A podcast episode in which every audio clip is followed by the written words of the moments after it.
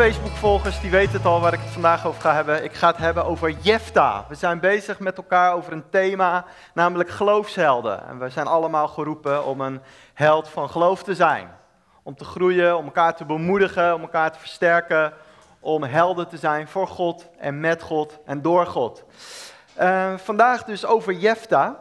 Nou, als je kijkt naar de eerste tekst, waar die vandaan komt, uit Hebreeën, de geloofshelden. Daarvoor worden ook al Mozes en Abraham genoemd. En dan deze zegt Hebreeën schrijver, de tijd ontbreekt me om te vertellen over Gideon, Barak, Simson en Jefta, David en Samuel en over de profeten. Nou, wat heel apart is, dat in dat geweldige rijtje van David snappen we en Samuel, natuurlijk dat snappen we ook. Simson, kunnen we ook nog wel verklaren. Maar die gekke vreemde Jefta, wat doet die nou in dat rijtje van geloofshelden?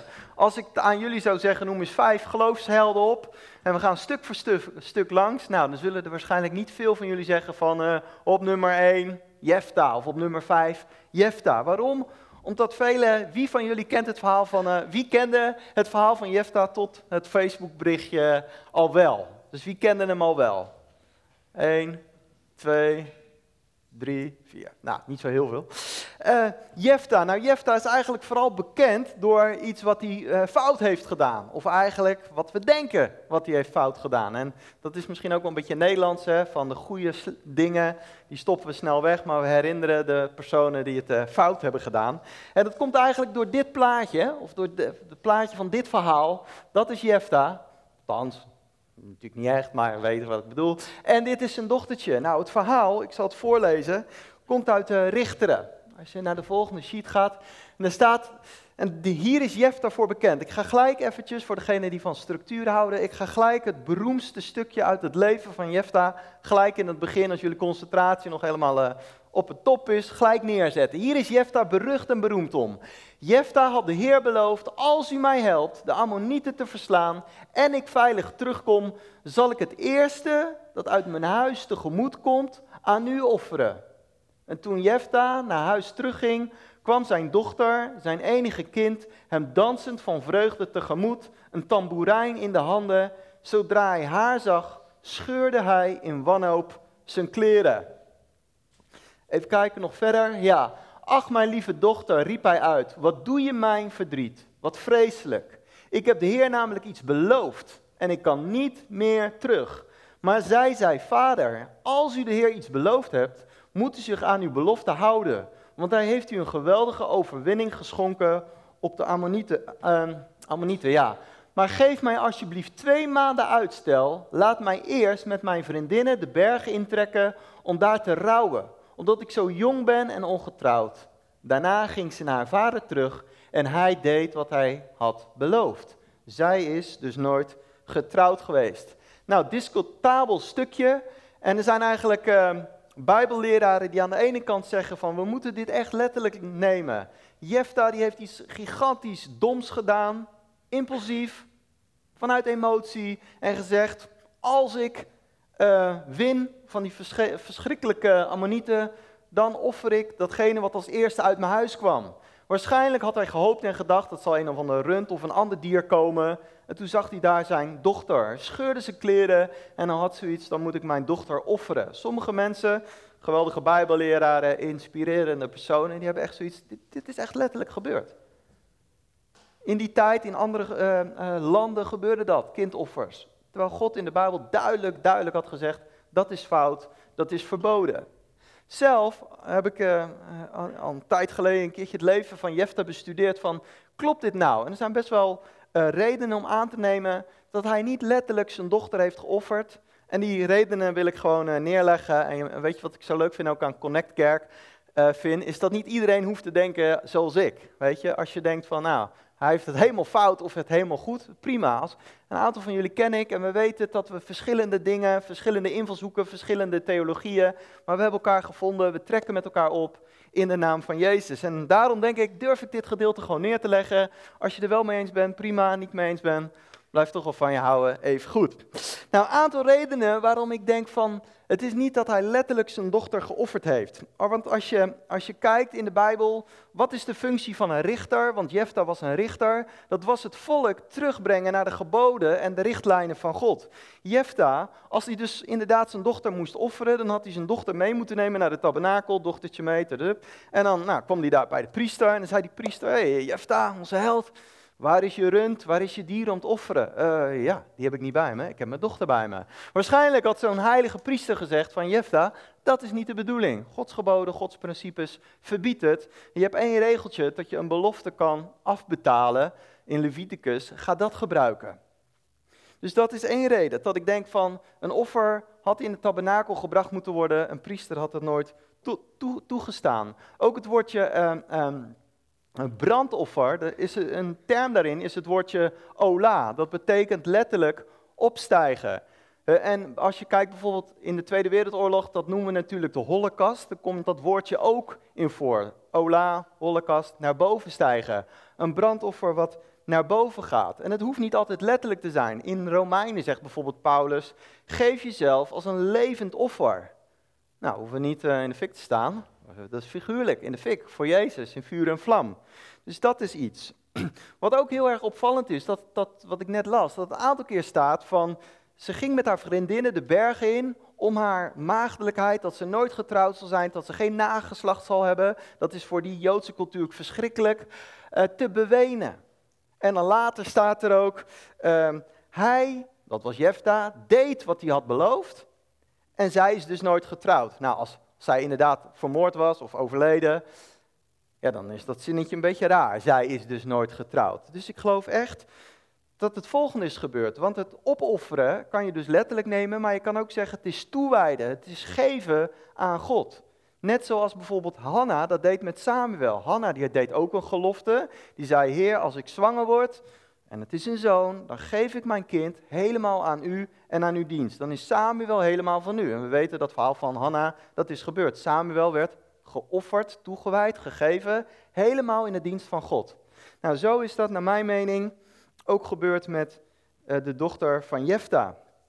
Een, uh, een andere is, in de tekst staat van, um, dat staat in vers 40 als je Bijbel bij hebt, er staat van, um, de dochters van Jeruzalem, van, van Israël, gingen hierna één keer per jaar de, de daad van deze dochter bezingen. De herziene statenvertaling zegt, ze gingen met haar praten. Nou, als ze overleden was, wordt het een beetje een lastig gesprek natuurlijk.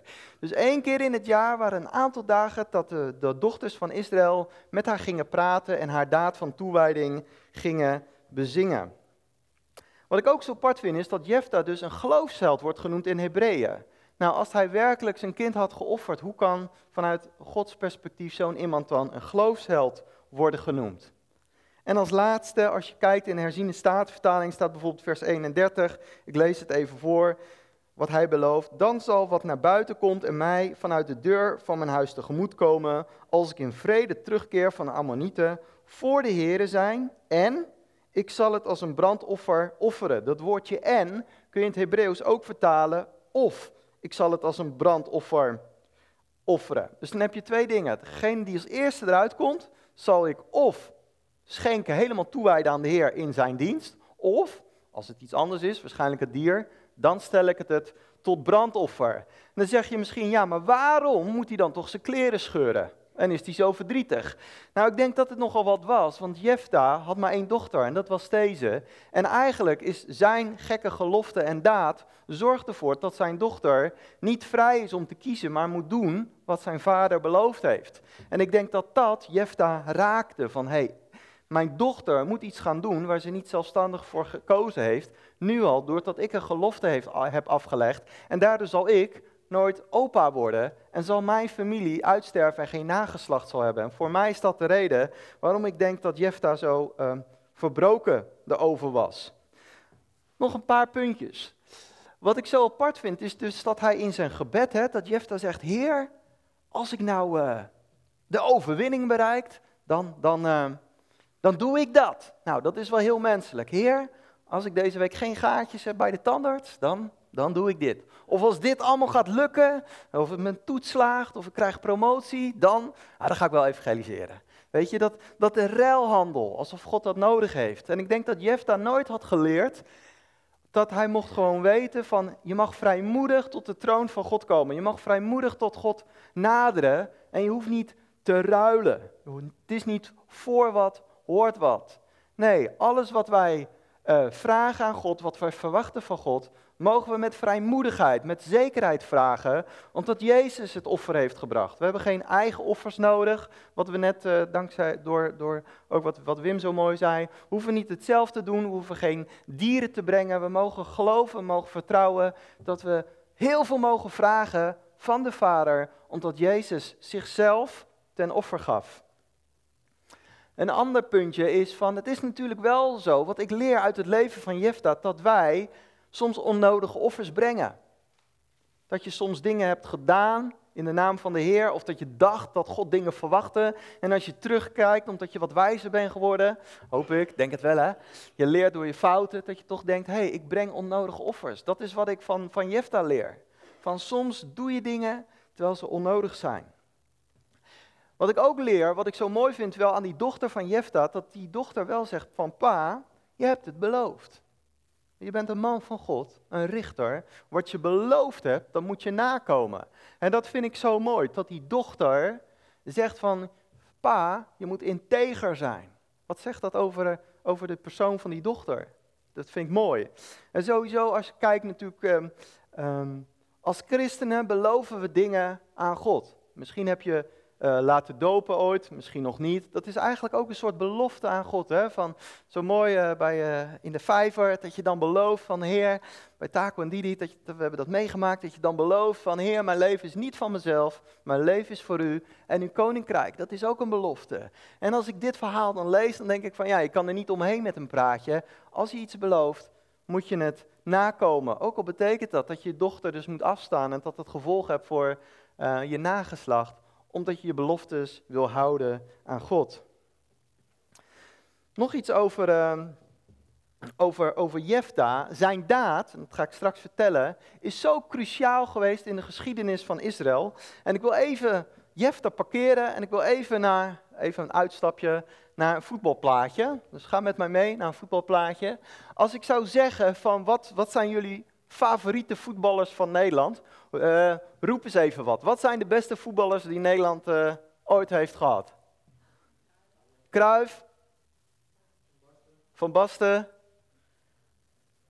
Bergkamp, nog wel meer? Feyenoord-spelers, amen. Van Hanegem, nog wel meer? Ruud Gullit, wie zouden jullie nog missen dat je denkt, wat dit zijn naar mijn pers... Wie? Taco. Wie missen we nog dat je denkt, nou die hoort er eigenlijk ook wel bij? Dirk Kuyt, ja. Edgar Davids hoorde ik? Ja, oké. nog, nog meer? Van Persie mis ik nog. Koeman, Rijkaard. Wie? Van de Vaart. Ah, valt over te discussiëren. Van de Sar misschien. Wie zouden jullie weghalen? Fout geantwoord. Hè? Hele Feyenoord selectie, oeh. Ja. Wie, uh, wie, uh, wie herkent deze kerel? Kieft, ja. Waar is Kieft uh, bekend om? De kopgoal. Leg uit, Oscar. Wanneer was het? 88. 88. Tegen wie? Ierland. Ierland, kijk, de kenner. We, voor de niet zo voetbalfanaten. Nederland toen ze in 88 wonnen door, uh, door Van Basten, door Gullit, speelden ze in, de, in het begin van het toernooi een belangrijke wedstrijd tegen Ierland. Stond er niet goed voor. Willem Kieft mocht uh, meedoen, weet ik het, laatste kwartiertje of zo. En in een van de laatste minuten kopte hij een hele lullige bal, kopte hij die erin. Dat dwarrelde zo in het netje en daardoor ging Nederland naar de volgende ronde. En eigenlijk pas toen ging Nederland lekker voetballen en goed draaien. En werden de Duitsers en de Russen uh, gelukkig verslagen. Maar dat was eigenlijk een stukje ommekeer, doelpunt van, van Wim Kieft. En altijd als mensen over Wim Kieft praten, voetballers, van ja, was maar een carrière. -hmm. Maar ja, weet je, hij is toch wel een van de helden. En niet een van de zes natuurlijk, maar toch wel een cruciale man. Want als hij dat balletje nooit erin had gekopt, dan hadden we niet eens tegen, eh, tegen, tegen Engeland, tegen Rusland en Duitsland hoeven voetballen. Lagen we er al lang uit. Zijn momentje was waardevol. En ik denk van, misschien is dat ook zo in je christelijk leven? Van dat je denkt, als je heel eerlijk kijkt, van nou, ik ben niet geestelijk gezien een, een robbe of een bergkamp. Ik leef gewoon mijn leven. Ik, ik ben niet gemaakt als een Billy Graham of, of noem ze maar op. Maar misschien ben jij in jouw leven, in jouw omgeving, wel een Wim Kieft. Dat jij in jouw omgeving op je werkvloer een, een invloed mag hebben die bepalend en beslissend uh, uh, is. Ik hoorde pas een mooi getuigenis van iemand die vertelde dat er een aantal mensen op, eh, op een werkplek, en die aantal mensen hadden het niet zo naar zijn zin. En toen kwam er een nieuwe collega, vrolijk, enthousiast en betrokken. En een aantal jaren later zeiden hun van, ik ga weer met plezier naar mijn werk, omdat jij vreugde en aandacht en plezier brengt. Ik zat te denken, misschien wil ik naar een andere baan, kappen mee, maar jij brengt zoveel eenheid en harmonie. Het is wel leuk om mijn werk. Eén persoon op dat moment die invloed verspreidt. En ik denk van, we zijn, sommigen zijn misschien inderdaad geroepen om een Arjen Robben of een Bergkamp te zijn. In, weet ik het, in de kerk, in het koninkrijk. Maar lang niet allemaal. Maar jij bent misschien net als een Wim Kieft, net als een Jefta, op jouw gebied, in jouw buurt, in jouw straat, op jouw school, dat je beslissend en bepalend mag zijn.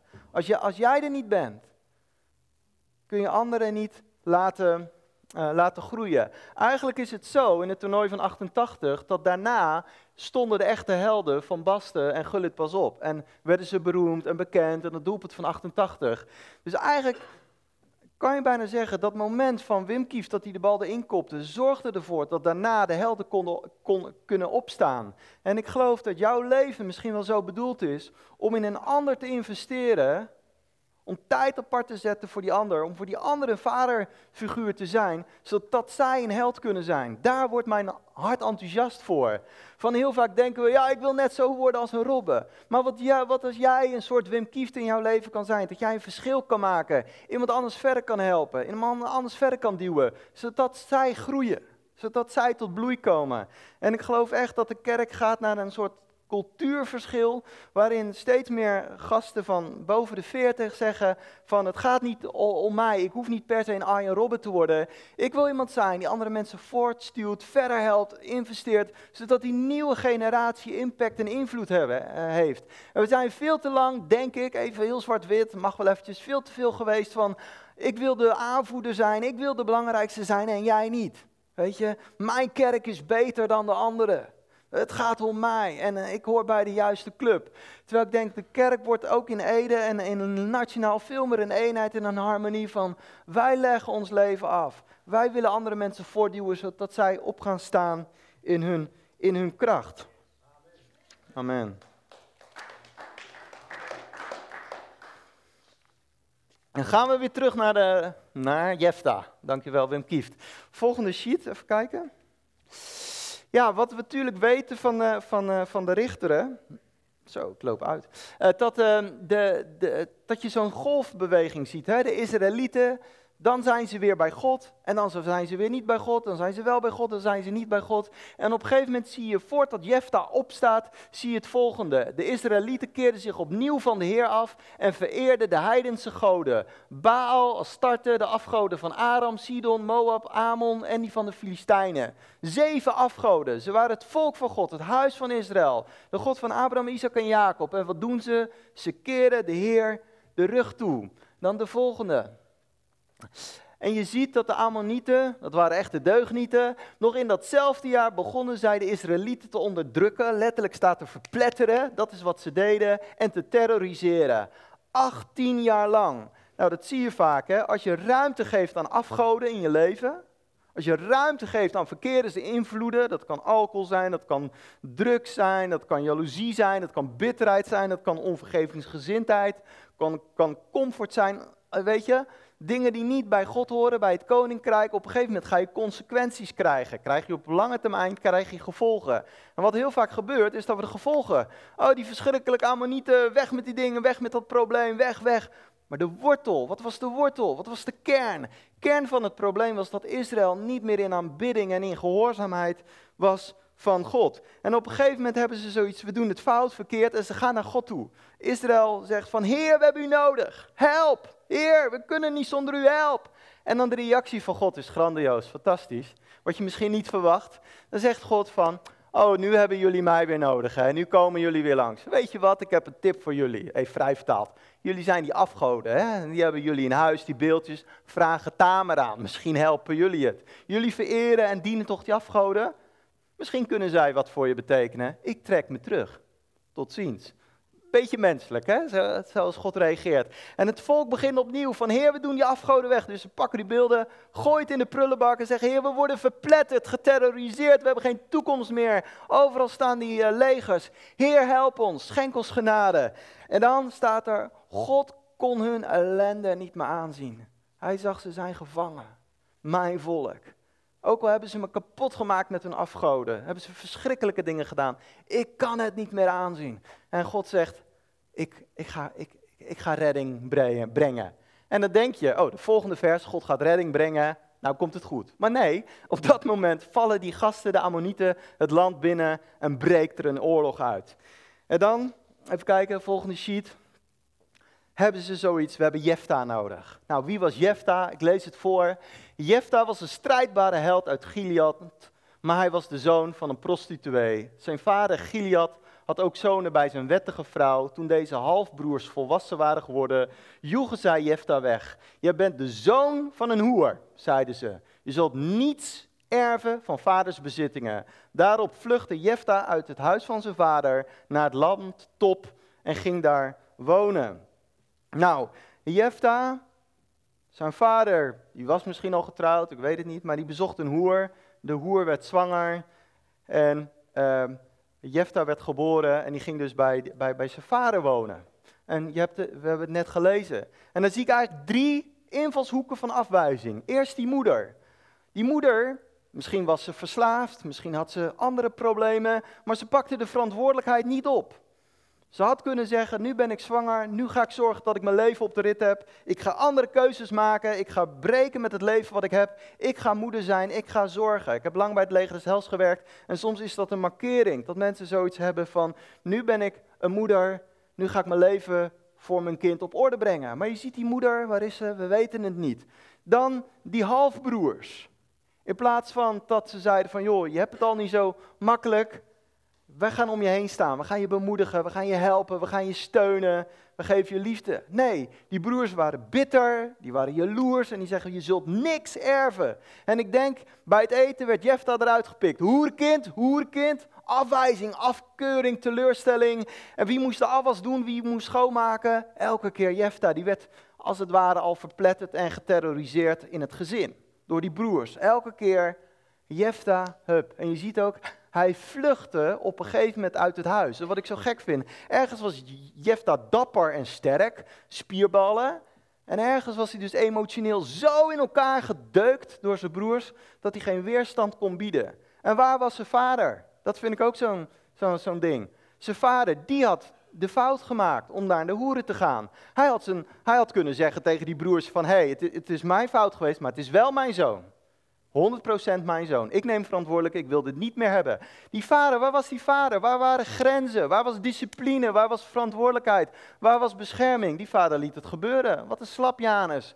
Hij nam geen autoriteit. Hij liet het gebeuren dat zijn zoon, zijn kind uit huis werd gejaagd. En op een gegeven moment denk ik van, misschien dat hij zich schaamde. Dat hij elke keer als hij Jefte zag, herinnerde hij zich aan zijn verleden, aan zijn zonde. Misschien dat zijn huidige vrouw het wel gebruikte. Van joh, uh, als hij iets verkeerd deed, ja, ja, maar weet je nog, toen uh, heb je dat, uh, is jouw schuld. Weet je? Er zat iets dat die vader geen verantwoordelijkheid neemde, geen trots op, uh, op Jefta. En zoals je, zoals je weet, werk ik al uh, lang in de hulpverlening, ook één op één relaties. En ik heb heel veel mannen mogen begeleiden en nog steeds, die eigenlijk uh, problemen hadden met drank en drugs en andere verslavingen. Maar daaronder ligt een wortel, een wortel van eigenlijk bijna altijd vaderloosheid. Of er nou een jongen verslaafd is aan porno, of aan drugs, of aan alcohol, of, aan gokken. Heel vaak zit daaronder een wortel van vaderloosheid. Als je ehm, eh, een vader hebt in je leven die eigenlijk geen vader is, met liefde, met bevestiging, met goedkeuring, samen leuke dingen doen, dan kan er een stuk vaderloosheid in je leven komen. En dat heeft gevolgen. En ik denk van uh, een verslaving is pas een, een, extreme vorm, maar je hebt ook kleinere vormen die ook dodelijk zijn. Ik wil er een aantal noemen. En misschien herken je dat wel. Ik weet niet wat voor cijfer je je vader geeft. Wie geeft zijn vader een 9? Je hoeft geen vingers op te steken. Wie geeft zijn vader een 8? Wie zegt nou net een 7? Dus uh, misschien een 6. Ik weet niet. Geen enkele vader is perfect. Als ik kijk naar mijn vader, heeft hij echt heel veel goede en mooie dingen gedaan. Hij deed zijn best. Maar er zijn ook een aantal dingen, als ik die boekjes lees, dat ik denk, oepa, dat had wel beter gekund. Maar ja, hij wist ook niet beter. Had ook maar een vader, weet je, die ook maar zijn best deed en uit de oorlog kwam en overleven. En ik denk, als je, als je vaderloos bent, kunnen verschillende gevolgen in je hart en je karakter ontwikkelen. Mensen die weinig bevestiging en applaus en aanmoediging gehad hebben van hun vader, voelen zich snel aangevallen, snel gevoelig voor kritiek. Persoonlijk willen zich verdedigen. Mensen met weinig gebrek aan, aan, aan liefde van hun vader, soms natuurlijk ook de moeder, moeder is ook super belangrijk, blijven dorst naar applaus hebben. En daardoor zijn ze onstabiel en kwetsbaar om misbruikt te worden door mensen die applaus geven, zodat ze gebruik van je kunnen maken.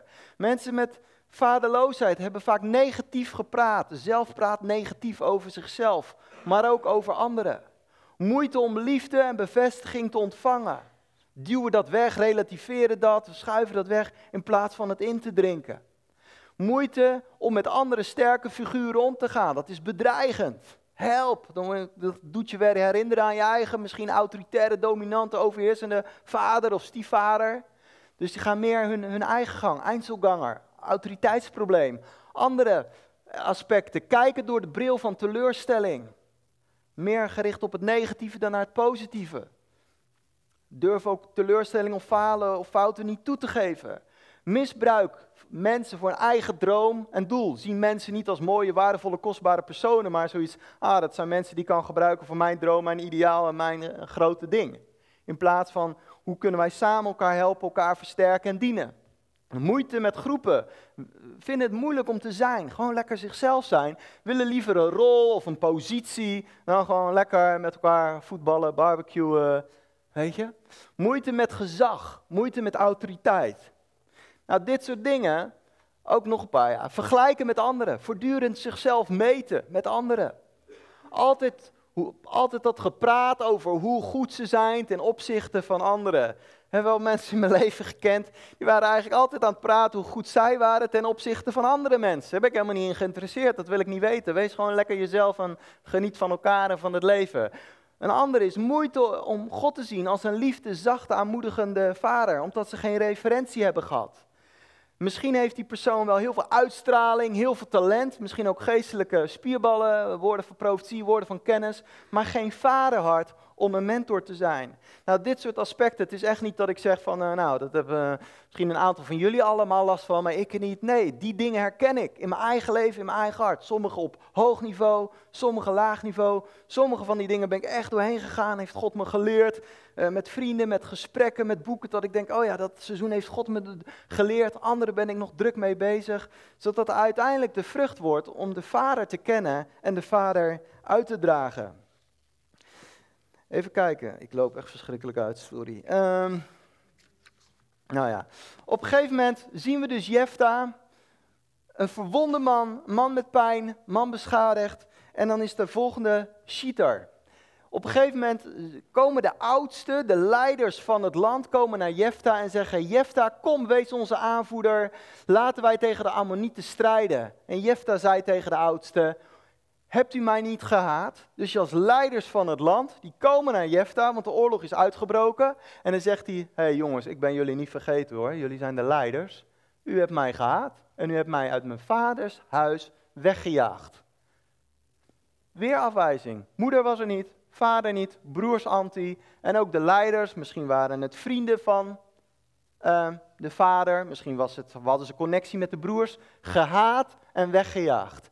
En nu komt u naar mij toe, omdat u in het nauw zit. En Jefta zegt eerst van, joh, ik doe het niet. Bekijk het maar, dag. Ik laat me niet gebruiken. Maar op een gegeven moment komt daar wel een dealtje. Dat hij zegt, oké, jullie zien mij een zero. Jullie willen mij een hero. Is goed, ik ga de legers aanvoeren. En die gasten het stuif op het jagen, uh, lijf jagen. Maar dan wil ik wel jullie koning en leider zijn. Dat is de deal. Dan zie je weer, Jefta doet alles met de ruilen. Voor het een, voor het ander. En dat is wat Jefta gaat doen. Hij gaat de oorlog met zijn, ehm, met zijn vijanden van Israël aan. En dan de volgende sheet. Um, ja, Jefta ging met de oudste mee naar Gilead, waar hij door het volk tot aanvoerder en leider werd aangesteld. En in Mispa herhaalde hij ten overstaan van de Heer nog eens alles wat hij had gezegd. Ik weet niet precies hoe, maar het was dus een soort ceremonie waar het volk en de leiders bij kwamen. Misschien werd hij ingezegend, misschien werd hij gezalfd. Maar de man die werd weggejaagd uit top, waar hij van dacht, God gaat me nooit meer gebruiken, ik ben niks en waardeloos en ik kan niks. Opeens, terwijl hij niet had verwacht, wordt hij in een hele belangrijke positie voor het, in, in, in de geschiedenis neergezet. Opeens met zijn pijn, met zijn verwondingen, opeens in een positie. En wordt hij gezalfd en gezegend misschien tot leider van het land. Maar dan komt er iets heel moois. Nog eentje terug. Uh, ja, en dan zegt hij, in Mispa herhaalde hij ten overstaan van de Heer nog eens alles wat was gezegd. In dat hele land was, was, was, was, was hoerderij en afgoderij, maar dat mannetje met een gebroken hart, met geen vader, had ergens in die donkere geestelijke periode, had hij iets ontdekt van God. Dat God een soort vriend en een soort vader was. Hij had niet de volle openbaring, maar een klein stukje had hij begrepen. En hij had zoiets, ik ga dit niet oplossen zonder God. Deze strijd, ook al ben ik sterk en, en stoer, ik heb God erin nodig. En misschien sinds jaren weer dat er een leider was die neerknielde en zei: Ik heb God nodig. Er zijn vijanden, er zijn omstanders, maar ik wil samen met God doen. En dan zie je eerst dat, dat hij het nog probeert op te lossen met uh, diplomatiek gepraat, want hij stuurt boodschappers. Van joh, waarom zitten jullie in ons land? Kunnen jullie niet teruggaan? Er is heel veel leugens en bedrog. En dan zegt Jefta, ik heb jullie de kans gegeven om terug te gaan, om rust te herstellen. Nu kom ik op jullie af. En dan gebeurt het. Hij is ingezegend, vertrouwen een stukje hersteld, positie gekregen. Jij bent onze leider, we geloven in jou Jefta. Jij mag het doen, jij mag het zeggen.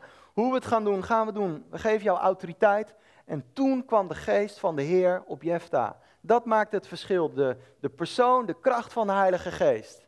En hij had toewijding en hij wist, ik heb de Heilige Geest nodig. En dan zie je in het volgende, en dan zie je dat Jefta, na jaren onderdrukking en terrorisatie, Jefta sloeg hem terug van Aroer tot Minna tot Abel Karim en nam daarbij niet minder dan twintig steden in, in. Zo bracht hij een zware nederlaag toe aan de Ammonieten die het hoofd moesten buigen voor de Israëlieten.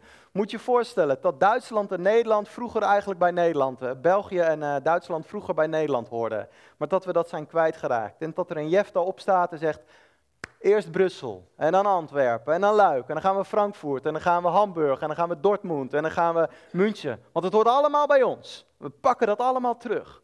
En, en als je dan na, na, twee jaar of drie jaar vechten zoiets hebt van dat is allemaal bij ons. Nou, het zou wel een geweldig voetbalteam zijn, toch? Als we de Belgen en de Duitsers erbij kunnen hebben. Uh, ik weet niet wie er dan nog van Nederland geselecteerd wordt. Maar, maar dit is wel een gebiedsuitbreiding. Terugduwen en uh, gebied innemen. En dat was wat Jefta deed. En dan is hij nog maar een aantal jaar richter. Totaal is hij zes jaar leider. En dan begint er een burgeroorlog. Want op een gegeven moment is er een groepje mensen die zeiden: hey, Jefta, waarom heb je ons niet geroepen? En dan zegt hij: Ja, ik heb jullie wel geroepen, maar jullie namen me niet serieus. En die Jefta um, vermoordt dan 40.000 van zijn broeders. Dus dat nog een beetje pijn, denk ik. 40.000 van 42.000 om precies te zijn van zijn volksgenoten vermoordt hij daar. Afrondend van Jefta. Ik denk, Jefta wordt echt in de Bijbel een geloofsheld genoemd. En dat vind ik zo mooi. Misschien is je rol in het koninkrijk of in de kerk maar vanuit menselijk perspectief bescheiden. Maar God ziet jou als een geloofsheld. En tegelijk heb ik iets bij, bij Jefta. Jefta, er zat nog veel meer in. Er waren bepaalde dingen in je leven nog niet verwerkt. Dat zie ik omdat hij die 40.000 van zijn broers, uh, landgenoten, vermoord heeft. En ik denk, als ik, um, als ik dan het vaderhart van God koppel aan, aan het leven van Jefta, denk ik van, Jefta heeft iets geproefd, zijn hart stond voor de helft open, maar niet volledig. En toch noemt God hem een held, en tegelijk zou God best wel iets kunnen hebben van Jefta, er zat nog veel meer in. Maar je, bent, um, je hebt je hart gesloten gehouden. En um, ik herken dat wel, dat je dan je hart opent Misschien voor 40%, 50, 60 procent, maar toch nog een beetje controle probeert te houden. Toch nog een beetje probeert te rationaliseren van hoe zit het, God? En ik denk dat dat bij Jefta ook gebeurd was. Aan de ene kant helemaal open. Open voor God, open voor de dingen van God. Aan de andere kant een deel van zijn hart nog, nog gesloten. Waardoor niet de volledige roeping voor het leven van Jefta eruit kwam. Maar zes jaar richter, sommigen waren 30 of 40 jaar. De potentie was er, het begin was er, maar ergens in zijn leven heeft Jefta, is hij niet doorgegroeid. Misschien was het wantrouwen, toch richting God. Misschien wantrouwen tegenover anderen. Maar wat mooi is, dat hij toch geëerd wordt, ook al heeft hij niet, wat de Bijbel zegt, hij kan 60, 80, 100voudig vrucht dragen, dat hij toch geëerd wordt ehm, als een geloofsheld. Wat ik leer uit het leven van Jefta is dat de, de pijnen of de wonden of de wortels die je hebt in je leven, dat je die echt mag aanpakken. En je draagt dan nu al gigantisch vrucht. Ik, hier zijn vele geweldige vaders. En ik denk ook vele uh, geweldige moeders. Maar het zijn vooral uh, de mannen in deze gemeente die kennen. Geweldige vaders. Fantastisch. Stuk voor stuk mannen die houden van hun kinderen, van hun gezin, die bemoedigend zijn. Fantastisch, ga ze door. Maar blijf elkaar helpen, blijf elkaar steunen om goede vaders te zijn. Om goede ouders te zijn. Zodat we de volgende generatie verder kunnen duwen. En als je merkt dat het af en toe lastig is in je hart, laat God zijn volle vaderhart aan je openbaren. Als er hier en daar een kleine of grote vaderwond is. God wil genezen, God wil herstellen. En ik wil uh, afsluiten met, uh, met gebed. Vader, ik wil u danken, Heer, voor uw geweldige goedheid. Dank u wel, Heer, dat we allemaal geloofshelden onderweg zijn. Iedereen, elke, elke man, elke vrouw, je bent een geloofsheld onderweg. En dank u wel, Vader, dat u trouw bent, dat u ons aan het vormen bent, dat u aan ons genezen bent. Hoe onze Vader ook was, waarin hij teleurgesteld heeft, waarin hij er niet was, wanneer hij afwezig was, misschien op, uh, veel te aanwezig was, veel te dominant. Vader, wil het bij u neerleggen en willen zeggen, Vader, we hebben u nodig, meer en meer om u te kennen als lieve papa, als lieve vader, als zachte, wijze, genadige vader. We willen u leren kennen, zodat wij ten volle, volkomen mogen doen waar u, u voor ons geroepen heeft.